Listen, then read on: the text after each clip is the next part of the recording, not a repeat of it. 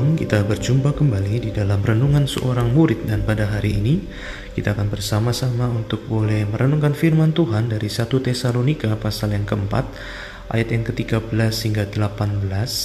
Demikian tertulis selanjutnya, kami tidak mau saudara-saudara bahwa kamu tidak mengetahui tentang mereka yang meninggal, supaya kamu jangan berduka cita seperti orang-orang lain yang tidak mempunyai pengharapan. Karena jikalau kita percaya bahwa Yesus telah mati dan telah bangkit, maka kita percaya juga bahwa mereka yang telah meninggal dalam Yesus akan dikumpulkan Allah bersama-sama dengan Dia. Ini kami katakan kepadamu dengan firman Tuhan.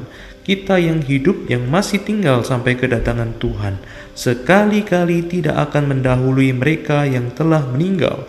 Sebab pada waktu tanda diberi, yaitu pada waktu penghulu malaikat berseru, dan sangka kala Allah berbunyi, maka Tuhan sendiri akan turun dari surga dan mereka yang mati dalam Kristus akan lebih dahulu bangkit.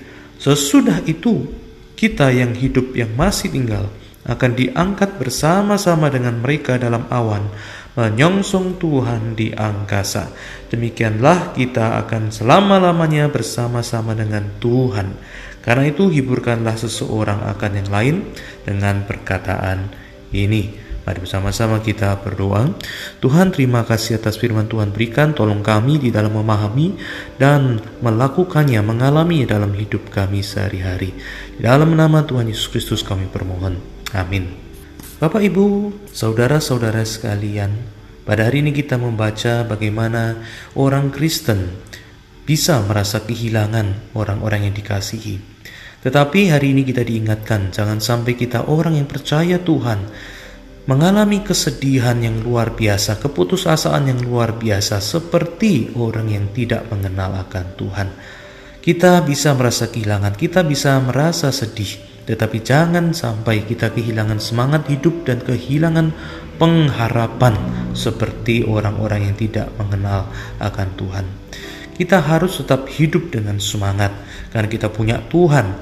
Kita harus tetap hidup dengan tangguh karena kita memiliki keyakinan bahwa Tuhan yang menyertai kita juga adalah Tuhan yang menyertai mereka yang sudah berpulang, yang sudah meninggal dunia.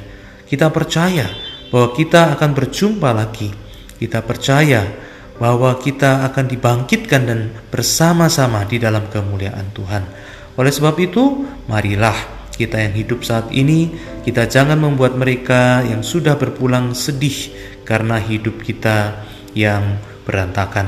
Jangan sampai orang-orang yang mengasihi kita, orang-orang yang kita kasihi, yang sudah berpulang terlebih dahulu, mungkin itu orang tua kita, mungkin itu pasangan kita, mungkin itu orang-orang yang bahkan mereka lebih muda dari kita. Kita mengasihi mereka, mereka juga mengasihi kita, dan kita akan berjumpa lagi Jangan sampai waktu Tuhan membangkitkan kita lagi dan kita berjumpa lagi, kita menceritakan bagaimana hidup kita hancur. Kita menceritakan bagaimana kita tidak ada damai sejahtera sejak kehilangan mereka yang kita kasihi. Bayangkan betapa ada pergumulan ya di dalam hati orang-orang yang sudah berpulang duluan. Ya, gara-gara saya pulang duluan, kamu kok hidupnya jadi berantakan begini. Jangan sampai Mari kita menjalani hidup ini bersama Tuhan dan kita juga mau memberikan terbaik buat mereka yang sudah mengasihi kita. Biarlah kita jalani hidup ini dengan semangat seperti mereka sudah hidup berjuang buat kita, hidup mengasihi kita, hidup memberikan yang terbaik buat kita. Kita menjalani hidup ini dengan sungguh-sungguh dengan baik. Kemudian kita hari ini juga akan belajar bahwa di dalam budaya banyak bangsa sering kali dibiasakan untuk melihat kematian atau meninggal itu sebagai sebuah kesialan. Meninggal duluan itu sebagai sesuatu yang tidak beruntung, tidak bagus. Makanya sering kali kita itu sangat sedih waktu kita melihat ada yang berpulang, apalagi kalau yang berpulang terlebih dahulu adalah orang yang masih muda. Tetapi Paulus mengatakan di dalam bagian ini kita yang masih hidup tidak akan mendahului yang sudah terlebih dahulu meninggal. Jadi ternyata menurut Paulus sesuai dengan firman Tuhan kita melihat bahwa mereka yang berpulang terlebih dahulu, mereka yang meninggal terlebih dahulu itu sebetulnya mendapatkan kehormatan. Kehormatan seperti apa? Dituliskan bahwa mereka yang sudah meninggal terlebih dahulu akan terlebih dahulu dibangkitkan, baru kemudian kita yang hidup akan diangkat bersama-sama. Jadi yang meninggal duluan mendapatkan kehormatan, kalau di dalam bahasa sehari-hari disebut sebagai first come, first serve. Pertama kali datang, pertama kali dilayani. Jadi mereka yang berpulang duluan itu mendapatkan kesempatan pertama dibangkitkan di dalam tubuh yang baru. Setelah itu, barulah mereka yang masih hidup waktu Tuhan Yesus datang kembali diubahkan dengan tubuh yang baru dan naik ke dalam kemuliaan bersama-sama dengan Tuhan kita Yesus Kristus. Jadi di sini kita bersyukur bahwa sebuah kematian itu adalah sebuah kesempatan hak istimewa untuk kita mengalami kebangkitan terlebih dahulu dibandingkan mereka yang masih hidup ketika Tuhan Yesus datang kembali. Jadi apa yang hari ini bisa kita simpulkan?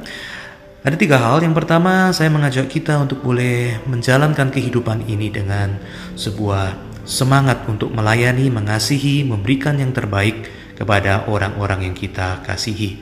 Jangan sampai waktu mereka berpulang, kita menangis karena menyesal, menyesal terlambat untuk melakukan yang baik, menyesal untuk melayani, menyesal untuk memberikan pengampunan. Jangan sampai terjadi.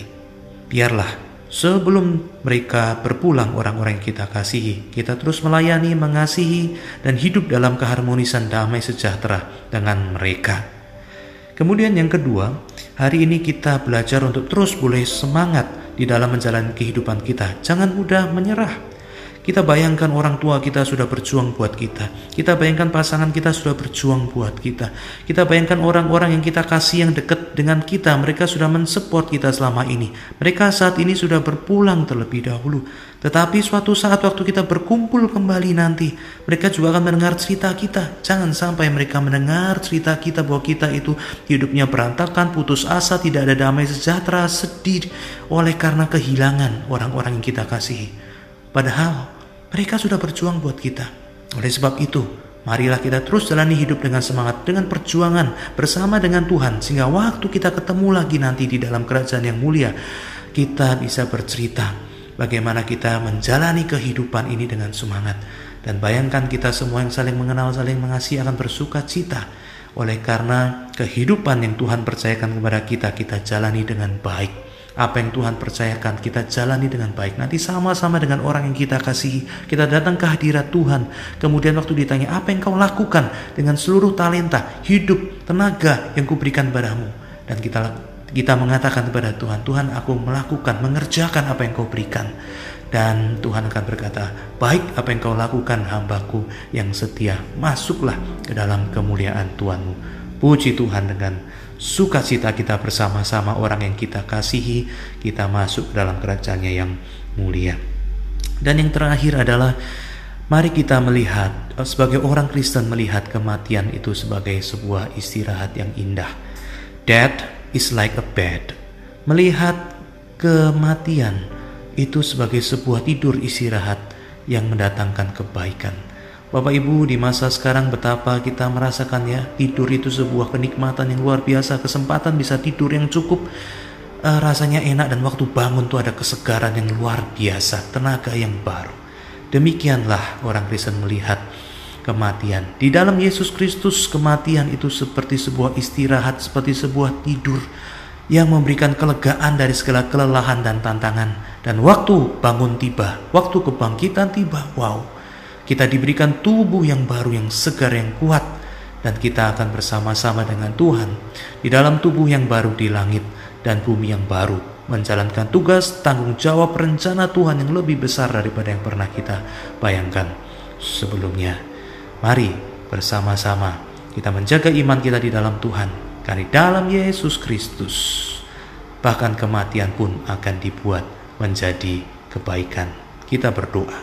Tuhan, biarlah firman ini menuntun hidup kami, menguatkan hati kami, dan kami boleh menjalani kehidupan di dunia ini dengan firman Tuhan. Demikian juga kami siap untuk menghadapi apa yang terjadi setelah kehidupan ini dengan firman Tuhan. Karena kami tahu Tuhan Yesus ada dan Tuhan Yesus firmanmu benar dan akan terjadi. Inilah doa kami dalam nama Yesus Kristus kami berdoa. Amin. Shalom damai sejahtera Tuhan berkati kita sekalian. Amin.